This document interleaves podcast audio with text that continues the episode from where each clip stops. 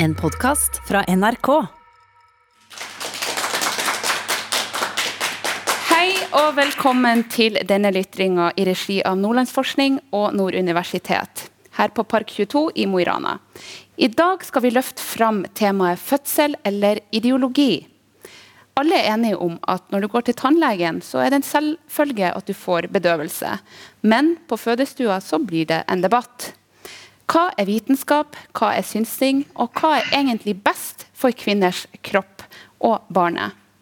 Har den naturlige fødselen blitt for risikabel for moderne medisin?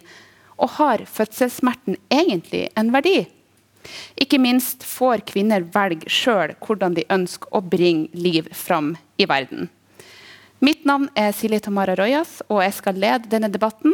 Med oss i dag har vi flere viktige stemmer som kan belyse dette spørsmålet. Først har vi Petra Næss, jordmor med lang erfaring med både tradisjonell og alternativ fødsel. Leiv Arne eh, Roseland er med oss digitalt. Professor ved Universitetet i Oslo i anestesiologi og lærer ved Oslo OsloMet. Sara Evans, sykepleierstudent og mor. Nicole Gryning Resende, forsker ved Nord universitet. Og sist, men ikke minst, Line Victoria Husby, som er blogger og mamma, er også med oss digitalt. Da kjører vi debatt. Hvem bestemmer egentlig hva en kvinne skal tåle i fødesituasjonen?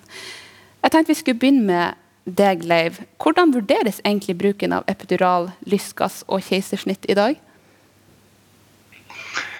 Um, vår holdning til det i uh, helsevesenet, vil jeg si, det teamet som uh, skal hjelpe de fødende uh, til å få en best mulig fødselsopplevelse og en trygg fødsel, så er vi opptatt av å Eh, informere om de mulighetene som er for å, hvilke valg man har når det gjelder fødselsmetode. Men også da hvordan eh, man vil bli smertelindret hvis man velger å føde på naturlig måte. Og Der eh, har jeg eh, mitt fagfelt som anestesilege. sånn at veldig, veldig mange av de fødende som velger å føde vaginalsenheter, altså på naturlig måte, de eh, vil jo i løpet av fødselen få behov for smertelindring. og Der er det ulike metoder i bruk, bl.a. metoder som som vi som er anestesilege på sykehus gir. Og det mest kjente er jo da fødeepidural. epidural. men jeg understreker det, Jeg er veldig opptatt av at eh, vi skal informere, altså jordmor og fødselslege og anestesilege. Og så er det den kvinnen som kjenner dette på kroppen, som til syvende og sist bestemmer. Hun kan si ja takk til tilbud om f.eks. epidural, eller nei takk. Og hun skal også kunne be om å få smertelindring og bli hørt. Så egentlig det du sier at Eh, det vurderes først og fremst ut ifra Hvis at kvinnen er trygg i utgangspunktet, så vurderes det ut ifra om kvinnen ønsker eller ikke? Er det det du sier? Ja, så lenge vi kan slå fast at vi har et, et trygt tilbud, så kan dette i, eh, styres av kvinnen selv, hennes ønsker. Ok, eh, Petra Næss, du har vært jordmor i over 30 år. Hvordan vil du si at eh, bruken av epidural, lystgass eller i noen ekstreme tilfeller keisersnitt eh, vurderes i dag? Jeg vil langt på vei være enig med, med det legen sier, at eh, i den ideelle fødeverden så er det absolutt kvinns både behov og ønsker som, er, som skal være rådende.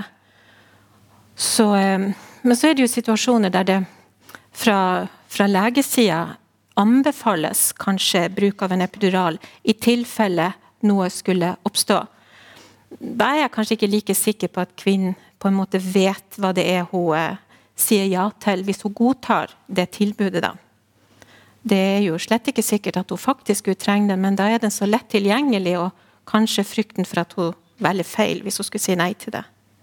Så kanskje noen har mer epiduraler enn de trenger, og kanskje motsatt noen har mindre enn de trenger. Enn du, eh, Sara. Du har jo født både på sykehus og hjemme. Hvordan opplevde du at eh, epidural f.eks. ble eh, vurdert i din situasjon? Ja, altså, jeg har aldri vurdert epidural. Fordi jeg var opptatt av å ha en fødselsopplevelse der jeg var til stede og kunne bevege meg, og at jeg hadde mest mulig kontroll over situasjonen. Jeg skjønner at uh, mange har lyst på smertelindring, men for meg var det ikke det som jeg vektla når jeg valgte uh, både å føde hjemme og på sykehuset. Opplevde du å bli lytta til da, av lege, at du hadde det valget, eller ble det jeg tror at når man først er på sykehuset i fødsel, så er det for sent å ta den diskusjonen om å få det tilbudet, og ta den diskusjonen om både risikoen som å få epidural, hva det innebærer, hva slags andre alternativer som finnes, også når du står der og har de der smertene. Så er omgivelsene ukjent, det er en fremmed situasjon. Og så jeg sier at redsel også har mye å si for den smerten du opplever. Så det å være forberedt uh, i forveien er kjempeviktig. Og den informasjonen som man får der under fødselen, den kommer litt for seint, tror jeg. Ja. Mm. ja. Er det nok eh, kunnskap Leiv, hos fødende til å ta den vurderinga? Eh, jeg tror eh, behovet for informasjon hos eh, gravide som snart skal føde, det er veldig stort. Og jeg er helt enig i at det er viktig at man forbereder seg. Og legg gjerne Jeg pleier å si til de som venter barn, at legg gjerne en plan for hvordan du vil at dette skal bli. Men vær så snill også å legge en plan for uh, hvordan det kan bli hvis det ikke blir akkurat sånn som du har forestilt deg. Du bør ha en plan B og en plan C. Fordi en, og det å føde, det er uh, veldig uforutsigbart. Så hvis du forestiller deg at fødselen skal forløpe etter et, uh, et, et ideal som du har sett for deg, så er det jo ganske stor Eh, sjanse for at du kan bli skuffet. Så jeg tror, er, tror, kanskje det er det beste rådet jeg kan gi til gravide. Og er, er å eh, ta imot de rådene du får underveis. Eh, jordmor er den, den, som står deg nærmest der og kan gi deg de beste rådene. Og av og til så er det behov for å endre på planen. Og det må skje ganske fort. Mm. Men um, når vi da er inne på epidural og lystgass, vi skal gå litt uh, tilbake til akkurat det dere er inne på nå, med, med informasjon og hvilket grunnlag kvinner tar uh, den avgjørelsen på om f.eks. autoriteten til, til, lege veier mer enn det, ditt eget ønske, f.eks. Men hvis du da gir eh, epidural, f.eks., er det slik at naturlige hormoner da blir nøytralisert ut, eller har det noen betydning for videre opplevelse for mor og barn? Vi kan starte med deg, Petra.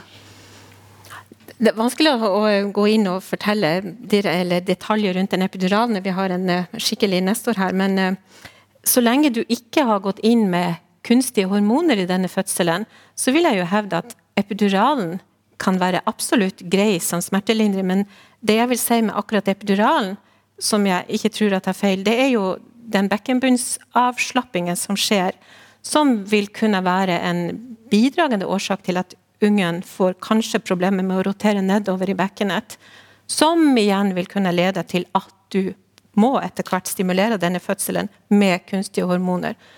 Da begynner jeg å tenke at vi er litt ute, ikke akkurat å kjøre, men at man må begynne å tenke litt på hvor mye skal vi involvere oss i et naturlig forløp. Hva vil være riktig? Ja, Er det du sier at vi, at vi egentlig legger ved å bruke f.eks. medisin hvis det ikke er risiko inne i bildet? Sånn hvis en kvinne ønsker det fordi de f.eks. fryktsmerte, er vi med på å skape en kunstig eller en unaturlig fødsel? Og hva vil konsekvensen av det bli? Har det noen konsekvens? Ja, det vil ha konsekvenser nesten alltid når man intervenerer i ellers normale forløp. Eh, det å legge en epidural eller få en kvinne til å få god smertelindring hvis hun har behov for det, er mange ganger en veldig god ting. For hvis hun uttrykker behov for at hun trenger smertelindring, så trenger hun det. Da ikke jeg den som skal prøve å trenere noe som helst. Det vil heller ikke være bra. Det vil være direkte kanskje traumatiserende, det òg. Leiv, hva du vil uh, si til, uh, til, det? Ja, altså det, det, er jo et spørsmål som uh, det har vært forsket på eh, om det er sånn at eh, epidural øker behovet da, for å stimulere med oksytocin. Altså tilføre oksytocin gjennom et drypp. Og da er det jo Allerede i 2005 så var det en studie hvor man sammenlignet da de som noen som fikk tilbud om epidural veldig tidlig, altså med 1 cm åpning, da i latensfase før fødselen er ordentlig i gang. Sammenlignet med sånn mer tradisjonelt gammeldags med sånn 5-6 cm åpning. Den studien viste jo at det var ingen forskjell i hvor mye de kvinnene fikk av oksytocin. Og dette er igjen, vist igjen i en kinesisk studie med nesten 13 000 kvinner som ble eh, fordelt da i to like grupper. En som fikk epidural ved 1 cm, og en, den andre gruppen da med 5-6 cm. Dette syns jeg er ganske gode bevis på at eh, det uh, ikke er sannsynlig at det, uh, påvirker behovet for oksytocin. Og det er også i svært mange studier etter hvert Eh, med moderne epidural vist at det ikke forlenger fødselen. Det øker ikke risikoen for det vi kaller instrumentelle forløsninger, altså med vakuum og tang, og ikke øker risikoen for keisersnitt. Så dette er et trygt tilbud, og som jeg tror alle som hjelper fødende er enig i at en god epidural er uh, den mest effektive og beste smertelindringen vi kan gi. Men, eh, men, her, eh, jeg vil egentlig spørre, for her jeg føler jeg at du er litt uenig, Petra. Jeg skulle ville skru tilbake til når vi begynner å intervenere før en fødsel har starta. Når vi tar regien over en fødsel før den i det hele tatt har fått lov å starte ut naturlig. De fødslene syns jeg er mer scary å begynne å tukle med. da. Og de fødslene blir mange ganger i behov av epidural. Og da har vi overtatt hele, hele, hele prosjektet fødsel. Og det ene fører gjerne til det andre, og fødselen blir gjerne langvarig. Og da vet jeg ikke på hvilket tidspunkt man skal nesten si om epiduralen eh, forlenger fødselsforløpet eller ikke, for vi har i utgangspunktet mange ganger et unødig langt forløp. Fordi hun har ikke starta ut spontant. Vi har lokka i gang den fødselen. Og eh, de smertene som vi da Eller vi starter, men med kunstige hormoner, så blir jo smertene kanskje opplevd annerledes enn om en spontan fødsel fikk starte ut selvfølgelig av seg sjøl med de kroppsegne hormonene, som igjen vil utløse endorfiner, som igjen vil gjøre at kvinnen går inn i en, i en annen form for uh, bevissthet, fordi hun er i sin egen fødeboble og jeg har vært i fred helt fra starten av, til forskjell mot når vi har starta ut det hele. Så vi snakker om to ulike fødsler, tror jeg. Det er En epidural er en eier god bedøvelse for en fødsel som går i stå, en fødsel som varer over lang tid, der man begynner å ane at her er det uh, noe som ikke stemmer. Vi skal ta inn resten av panelet her. Jeg vil eh, spørre eh, deg, Nicole, eh, snart, for du har forska på bl.a. keisersnitt og bruken av altså Det er jo en, en inngripen i en fødselssituasjon i Brasil. Mm. Um, og der var du på private og offentlige sykehus. Når jeg stiller dette spørsmålet, har eh, hvis du har noe, og, og, og noe mening der, har sånne intervensjoner med, med fødselen noe å si for eh, kontakten mellom mor og barn, eller opplevelsen av fødselen? Eh, kontakten mellom mor og barn vet jeg ikke om jeg skal uttale meg så voldsomt om, men, men i hvert fall for fødselsopplevelsen. Eh, I Brasil er det som sagt eh, private og offentlige sykehus. I de private sykehusene så har det vært en veldig tradisjon for bruk av keisersnitt, og de er da planlagte. I 2016 innførte Brasil en lov om at de forbød elektiv keisersnitt før uke 39 i svangerskapet. Det tenker jeg at Da sier noe om hvor, hvor mye de har brukt det, og hvor, hvor, i hvilken stor grad de har grepet inn veldig mye før eh, barnet er egentlig ferdigutvikla. Eh, men i det offentlige så eh, er det mer tradisjon for det de kaller for naturlig fødsel. De fødesykehusene jeg har besøkt, har ikke egentlig tilgang på smertelindring i det hele tatt. Noen sykehus har det hvis kvinnen ber om det. Men det er på en måte ikke noe tradisjon for å be om det.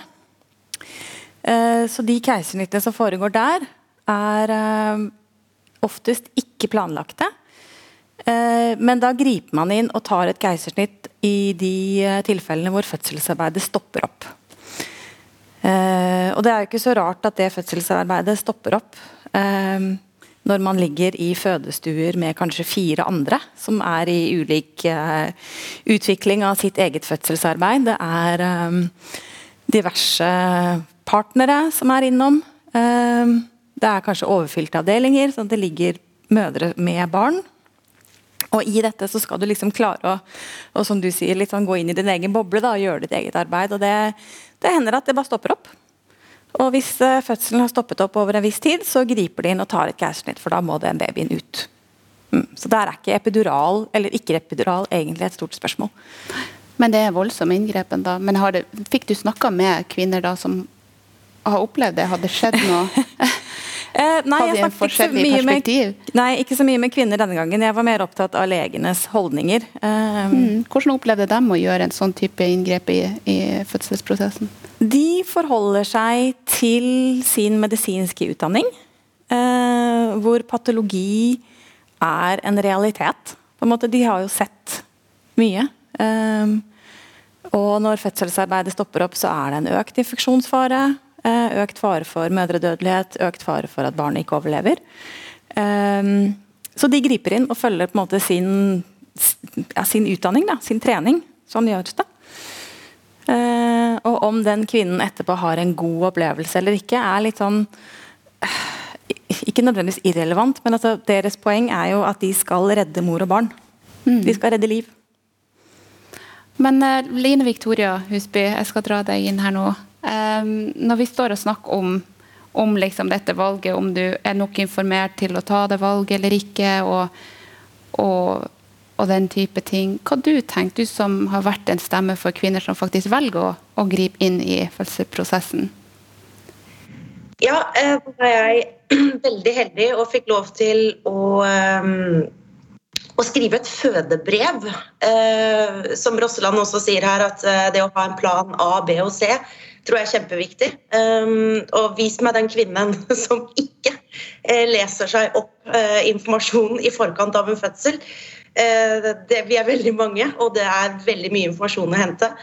Men ehm, når det gjelder dette med epidural, så det, var det nærmest tabu for meg å si høyt at jeg ønsket meg alt av smertelindring Eh, være seg um, om um, dette her med badekar og sånne ting. altså Om det var smertelindring, så ville jeg ha det.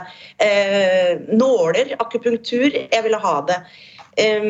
Epidural, altså absolutt alt. Og jeg fikk absolutt alt eh, jeg ville ha. Jeg fikk jeg pleier å si, jeg fikk hele menyen til Skien sykehus.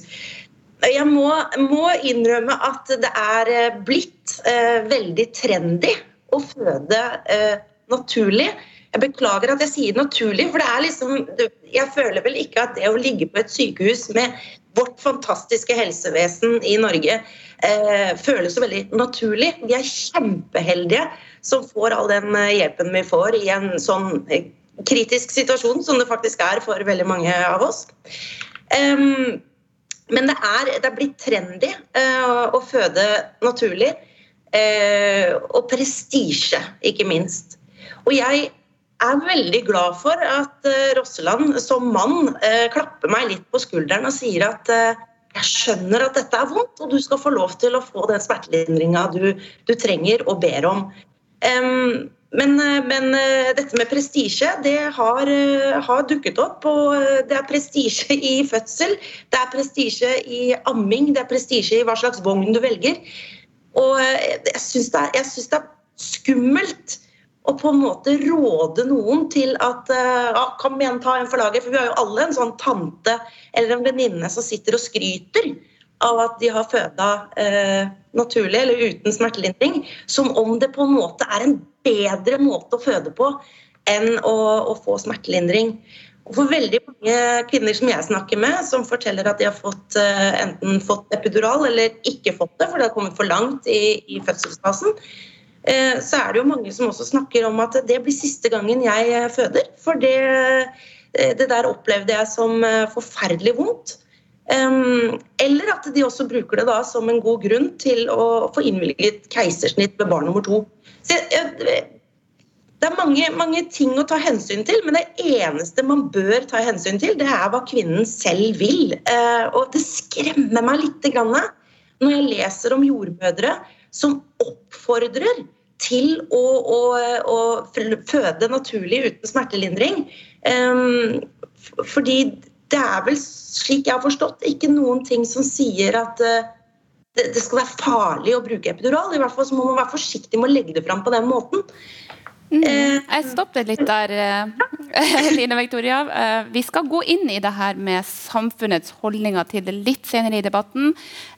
Du lytter til debatt i P2 fortsatt, og temaet er fødsel og ideologi.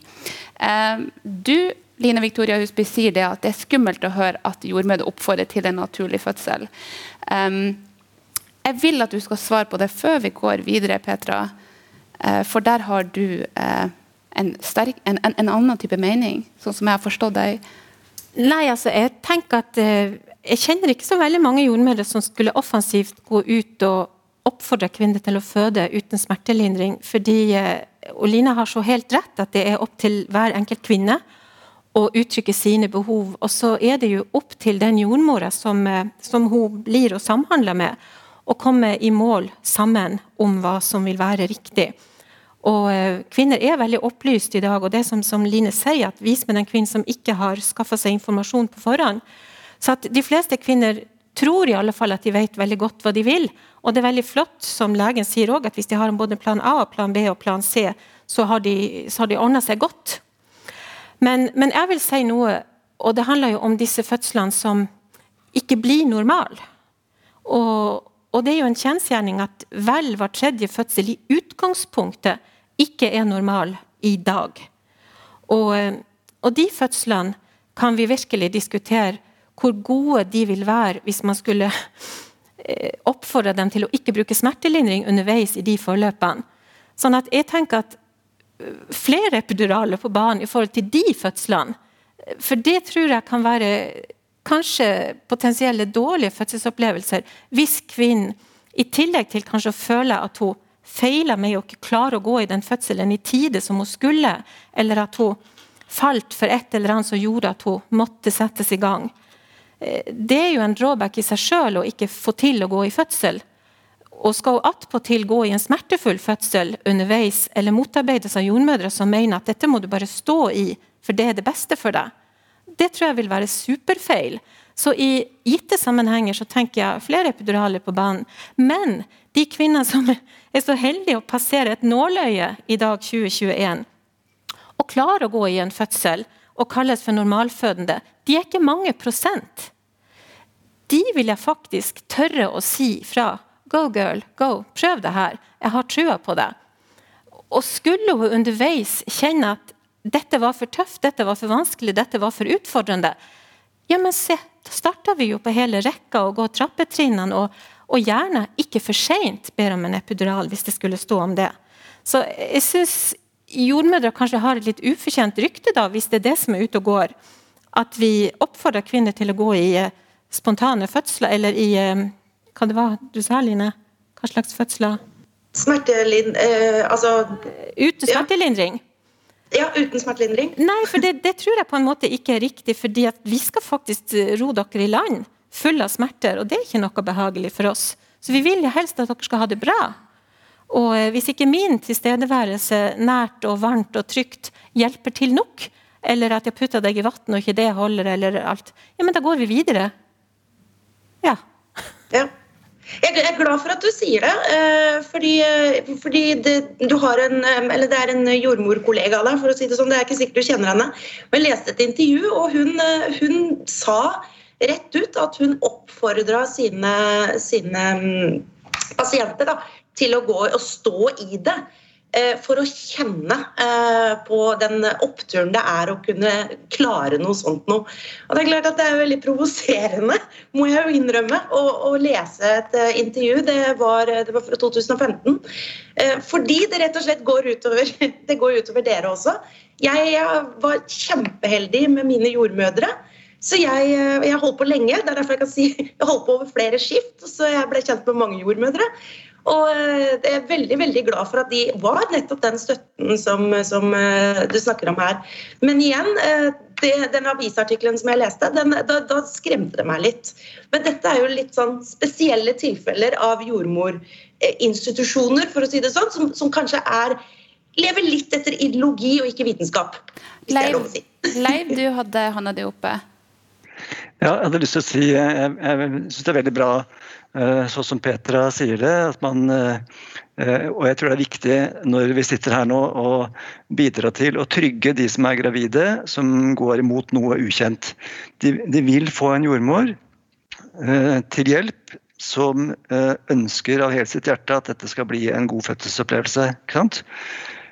Og som du også sier, Line Victoria, det er viktig å ha det perspektivet inne at Eh, en av målsettingene må jo være at dette ble eh, noe man faktisk kan tenke seg å gjøre igjen. Eh, at man ikke sier at aldri mer fødsel, eller alternativt, hvis jeg skal bli gravid en gang til, så må det bli keisersnitt. Det å gi denne gode fødselsopplevelsen, herunder også god smertelindring, tror jeg bidrar til at flere velger å få mer enn ett barn, og at man velger å føde vaginalt på nummer to og tre fire, fem osv. Ja, det tar oss litt videre inn til dette med, med, med de følelsesmessige konsekvensene egentlig eh, for mor med de her type inngripene f.eks. Man kan jo kanskje kalle det for brutalt hvis at man da går sånn som du var inne på, Petra, at det er nesten at fra du tar graviditetstesten og fram til termin allerede da har vi kommet inn i et system som kanskje forteller deg litt hva du skal gjøre. Um, og hvis jeg forstår deg rett, det er der det blir un kun kunstig eller unaturlig? Ja, altså det er jo Jeg spøkte jo litt når jeg fortalte om en kvinne som åpenbart vet at hun er gravid, fordi mensen kom ikke, hun har brystspreng, men likevel går hun på apoteket og kjøper seg en graviditetstest for å få bekreftet svangerskapet.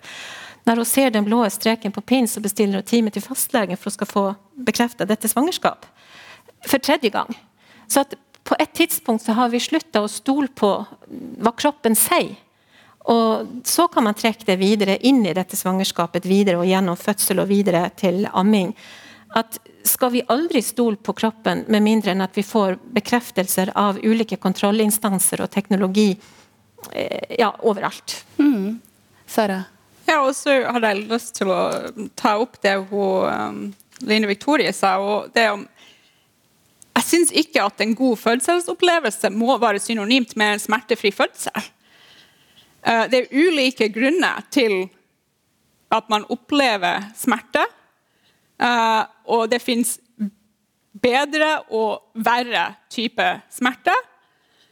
Uh, vi som mennesker tåler smerte i ulike sammenheng gjennom livet. Og smerte er jo en samtale vi har med kroppen under fødselen. Nå snakker jeg om normale fødsler, det jeg har opplevd.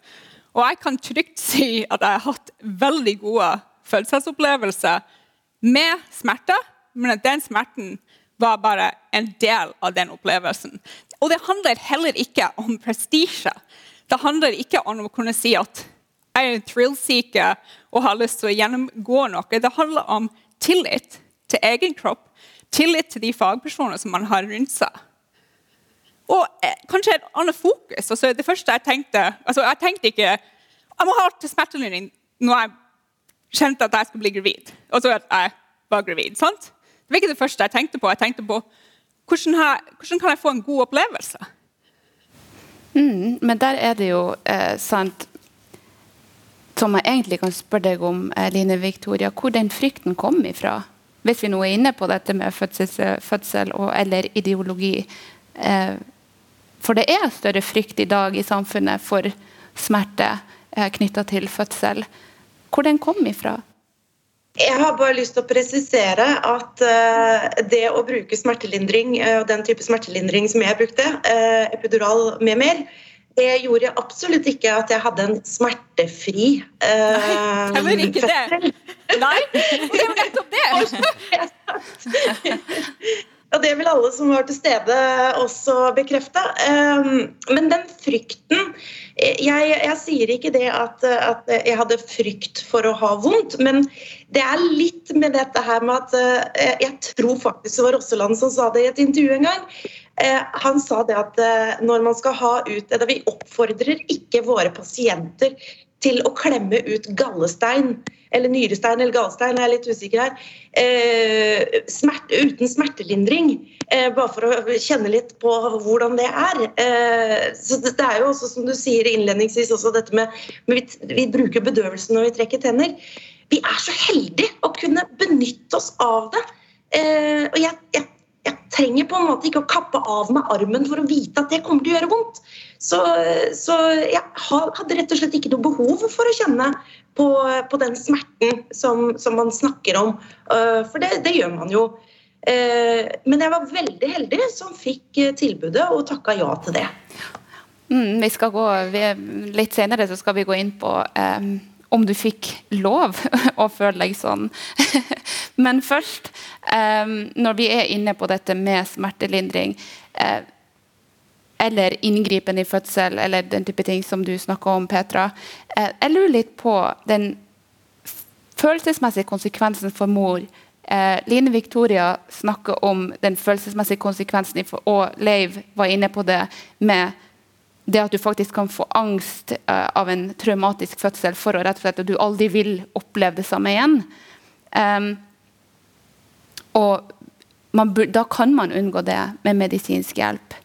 Um, men hva med den følelsesmessige konsekvensen for mor når f.eks.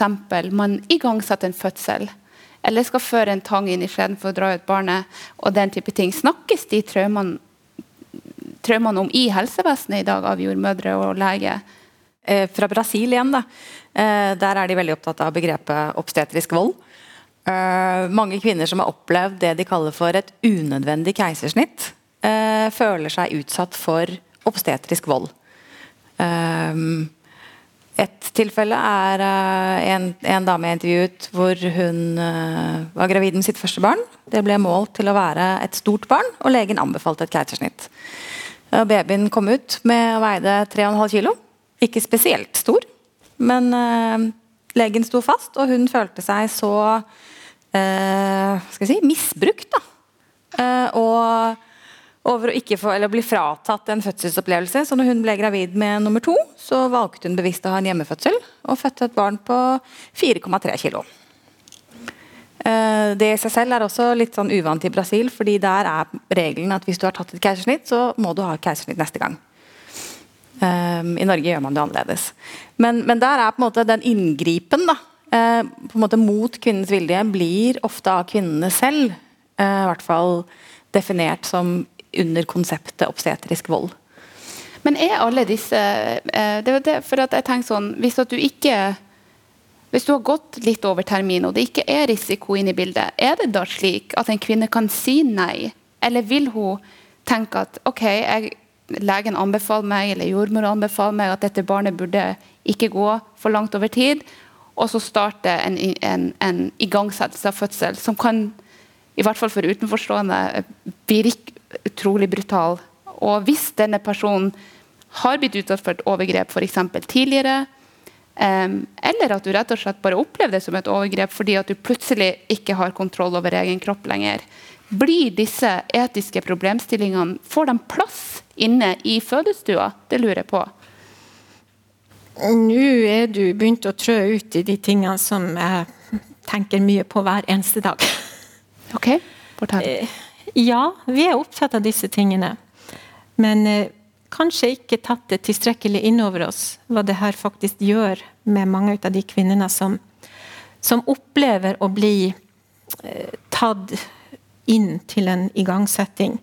Eh, kanskje for en sånn simpel grunn som en overtid kan synes å være. Svangerskapet plutselig var blitt litt for eh, langt ganget i henhold til prosedyrene. Men det er jo mange, mange, mange andre grunner også som gjør at man ser seg nødt til å anbefale at et svangerskap avbrytes og går til fødsel. da. De kvinnene, akkurat som Nicole også sier, kan jo oppleve å ha fått beskjed om at barnet er for stort eller barnet er for litet, og så kommer det ut et helt normalt stort barn. Det skjer jo i, skjer jo i Norge òg, det skjer jo ukentlig mange plasser. Og de kvinnene sitter igjen med en veldig skuffefølelse, og, og har jo blitt snytt for en fødsel, syns mange. Men ja, det her er alvorlige ting som er verdt å tenke over for en kvinne i henhold til pasientrettighetsloven. Hun kan absolutt si eh, takk, men nei takk, dette ønsker jeg ikke å være med på. Men hun sitter i en utrolig vanskelig situasjon overfor legen som en autoritet, som sitter med prosedyren i handa og henviser til forskning. Og, og, og offer over den informasjonen til kvinnen som, som jeg tenker at legen eller oss helsepersonell mener hun trenger. Eh, jeg tror ikke det hele sannheten alltid, for risikoen er mange ganger ikke så stor at det kanskje ikke veies opp imot den risikoen det er å bli satt i gang med alt det som kan komme i kjølvannet av en intervensjon i et ellers normalt svangerskap. Det er ikke bare å kødde med, faktisk. Men hva med barnet da, i den situasjonen, tenker jeg? Hvis, at du, hvis at du som kvinne da opp tenker at nei, vet du, det her vil jeg ikke. Jeg vil ikke igangsette denne fødselen. Har... Det, det, er jo gjerne barnet som på en måte brukes som en slags eh, brikke i dette her, at dette er best for barnet ditt. Mm. Derfor så uh, vil jeg som Altså vise meg den kvinnen som ikke faller for den, da. Mm. Ja, uh, Sara, opplevde du det i din i, på sykehuset? Ble du fortalte hva du burde gjøre? Ja, også, Ikke så mye i møte med sykehuset, men i, i møte med andre som hjemmefødende, så møter man selvfølgelig fordømme om at ja, tar du konsekvensen? Og så sier jeg bare tilbake Vet du noe om konsekvensen? Vet du noe om konsekvensen av å føde på sykehuset som frisk fødende dame? Vet du noe om forskning som støtter opp under hjemmefødsel? Og så selvfølgelig møter jeg fordømmer om at du setter babyen din i fare. Og Da må man ha ganske uh, gode folk rundt seg, og tillit til seg sjøl. Og under fødselen så jobber jeg ikke så mye med smerte, men veldig mye med den selvtilliten. Og at det her går bra. Dette kjenner jeg jeg får det til. Så det er veldig uh, vanskelig å stå imot. Og så er det jo masse faglig uenighet i dette. Altså Forskningen er ikke entydig. og det, det er jo ikke ett svar på dette. Så når du kommer på fødestua og møter én fagperson, så er ikke det autoritet. Altså, det er jo autoriteten overfor deg, men det er ikke sannheten. Det er jo ikke hele sannheten. Så jeg syns også at noen perspektiver er representert, overrepresentert i møte med fødekvinner. Og det fordrer uh, at vi setter oss godt inn i det. Og det har man ikke tid til heller. Det er jo en jordmorutdanning man skulle hatt for å gå i fødestua. Men Leiv, jeg vil gjerne ta deg inn i det her. fordi at eh, Sånn som Nicole forteller at eh, det er kvinner som opplever det eh, som at du blir fratatt f.eks. opplevelsen, eller at du opplever det som at kontrollen blir tatt ifra deg i f.eks. de situasjonene i Brasil eller prosedyren i Brasil. Um, og som jeg snakka om, får disse potensielle traumene det kan ha for kvinner, plass hos stokkleger, eller, eller, eller, er det lettere å, å, ta kontrollen, sånn at barnet ikke uh, blir satt i noen form for risiko, uansett om, den, om faren er der der og da eller ikke?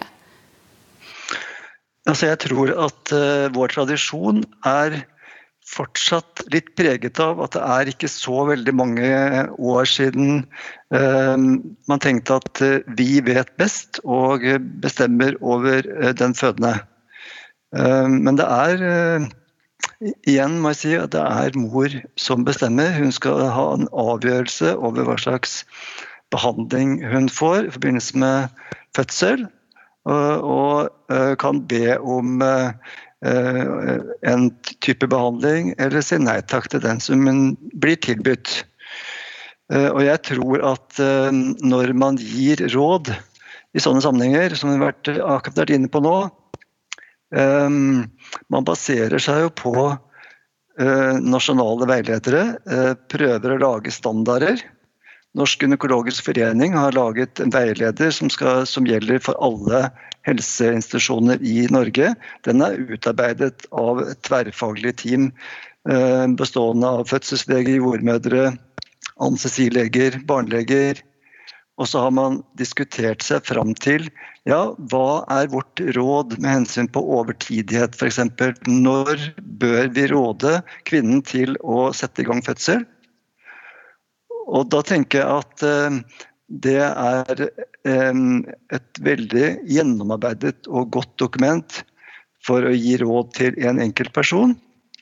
Men samtidig så er det jo sånn at dette er en enkelt person, og hun kan selvfølgelig si ja takk eller nei takk til det rådet hun får.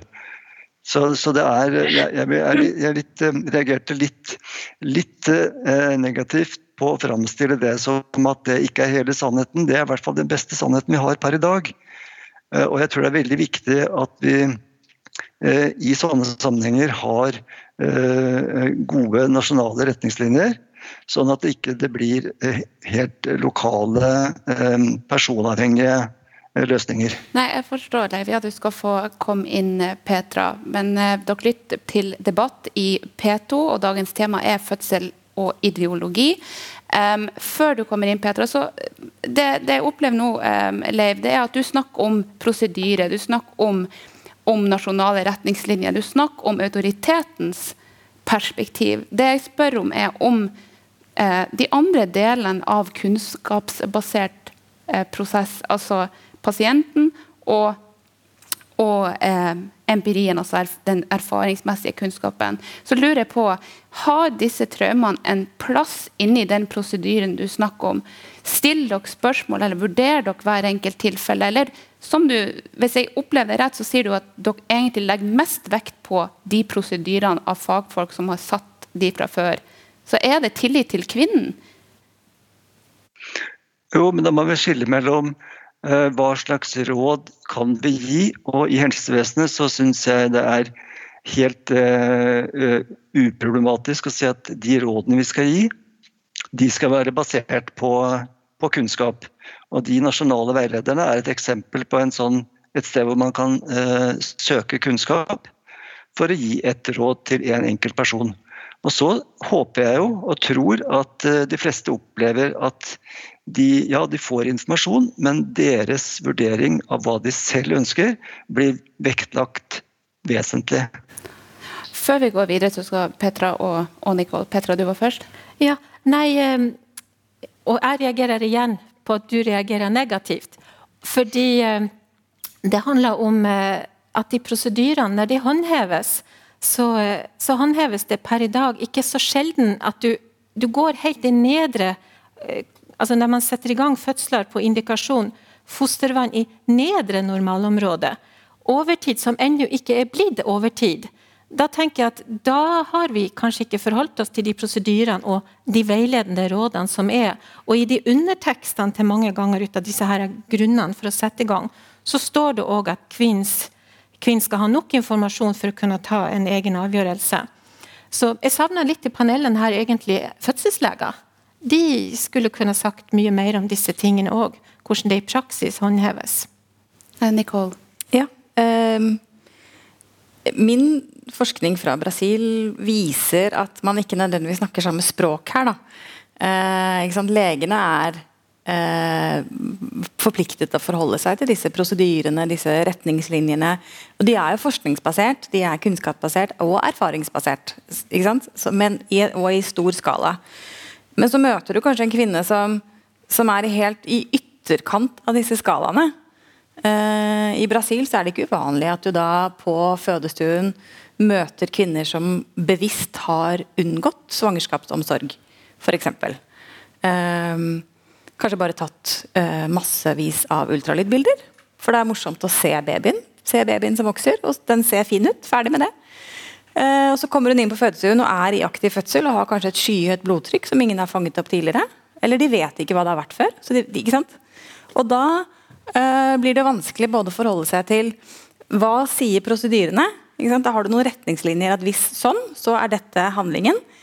Eh, og kvinnen skal samtidig kunne foreta et informert valg. Men hva slags informasjon sitter hun egentlig med? Eh, og da snakker man jo heller ikke samme språk. Nei. Eh, vi, du skal få eh, ordet, Sara. Jeg vil bare spørre deg når vi snakker om det her, Line Victoria.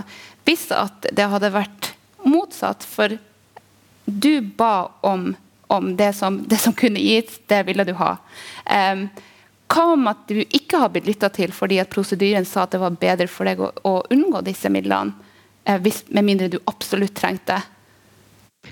Jeg er ikke redd for å si høyt og tydelig at der ville jeg eh, lagt eh, all avgjørelse i hendene til de som kan det. Jeg har aldri føda før. Jeg har føda altså nå én gang. Da syns jeg det var mye bedre å overlate det til de som kan det. Og eh, det må også nevne, for jeg synes det er morsomt at du nevner fødselslege eh, og, og, jordmor og sånne ting.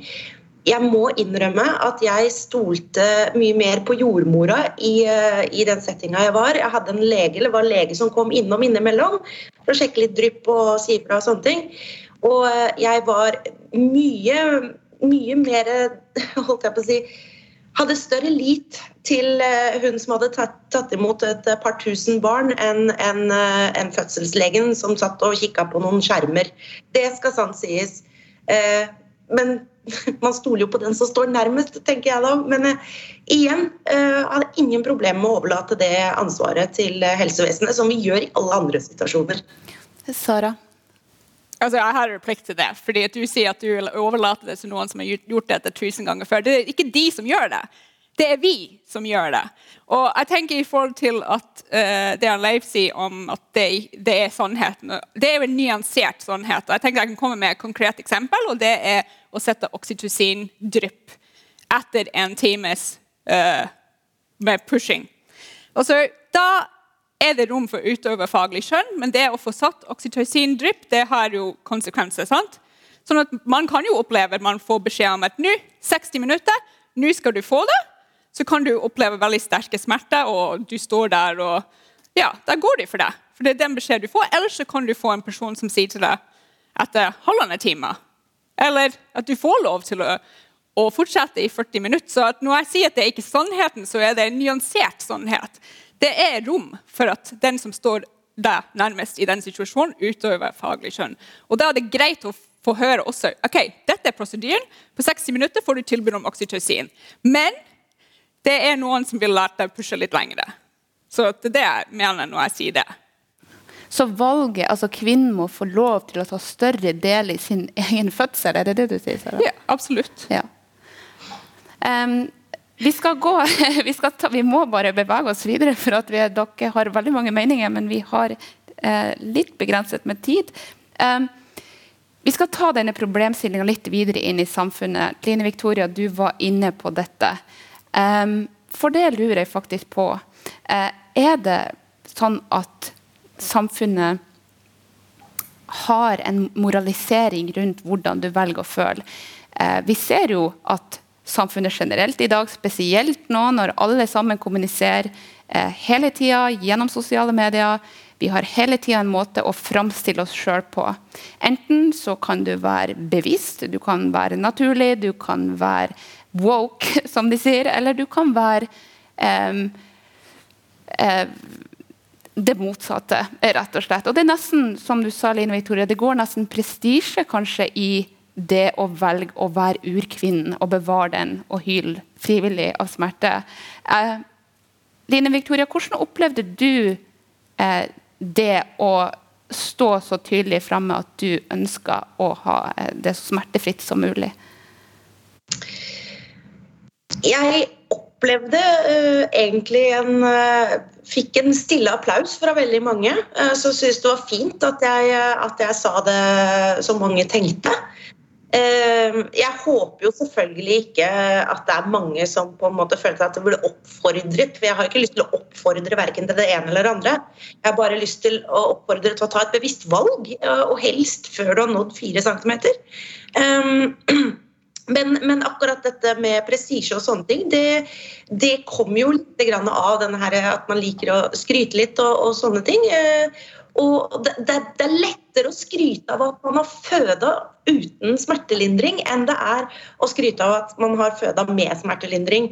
Eh, og et godt eksempel på det er jo eh, blant mine mange Facebook-bekjente.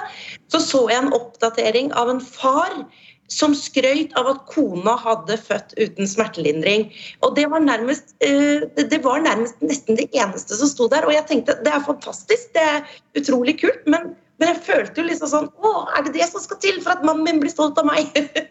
Så jeg, jeg, må innrømme at, eh, at uh, sosiale medier har gitt oss uh, veldig mange ting å tenke på uh, som man kanskje ikke regna med man måtte ta et bevisst valg på. Men akkurat dette med smertelindring, det, det, det, er, det, er, blitt nesten tabu å si høyt.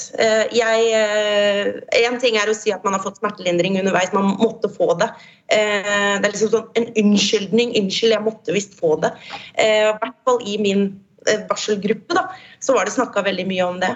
At, at, man liksom skyldte på andre for å ha fått smertelindring. ja, Er det en moralisering rundt fødesituasjonen, Petra?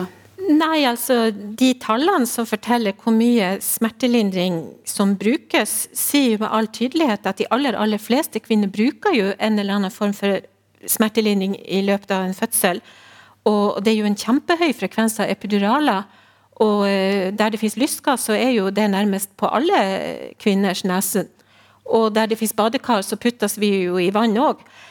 Sånn at nærmest alle bruker en eller annen form for smertelindring. Det skal bringes på det rene med en gang. Men det skal også sies at i utgangspunktet i disse fødebrevene, det er veldig mange kvinner som skriver fødebrev, så står det at i utgangspunkt så ønsker jeg meg en normal fødsel. Underforstått så lenge jeg klarer det, så vil jeg gjerne bruke kroppen og, og de her eh, ja, badekar og, og sånn. Men de aller fleste skal man si, kapitulerer jo etter hvert til en eller annen form, og gjerne da epidural. Sånn at Det er jo nesten rart at det skulle være tabu å, å fortelle det i etterkant, når det er en kjensgjerning at nesten alle bruker det. Så det, det, er noe som ikke stemmer i mitt hode helt. Men um, ja. Sara, hvordan har du forholdt deg til den type det her dilemmaet vi diskuterer nå? Du har valgt to hjemmefødsler, én på sykehus. Ble du applaudert for å føde hjemme og kontra å føde på sykehus? Jeg har fått både og som hjemmefødende. Jeg har jo blitt kalt utkvinne. Jeg sa det til deg i telefonen også. Og, men altså, denne polariseringen den tjener ikke kvinner.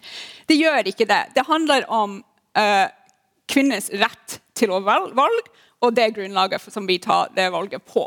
Og Derfor er jeg litt skeptisk til disse prosedyrene som skjer på sykehuset, uh, i forhold til hvordan det påvirker våre valgmuligheter.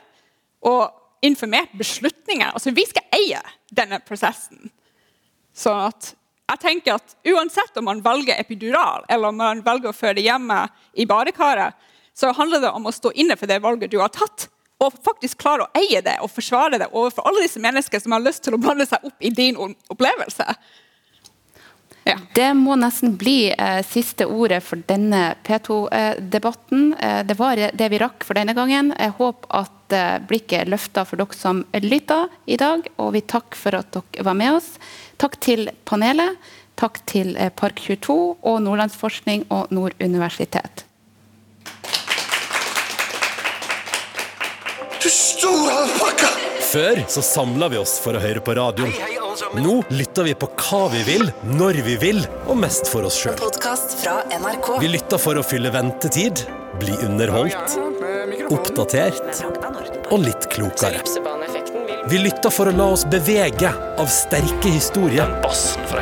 Eller bare av musikk. Så selv om mye har forandra seg, er det viktigste som før. Podkast og radio samler oss.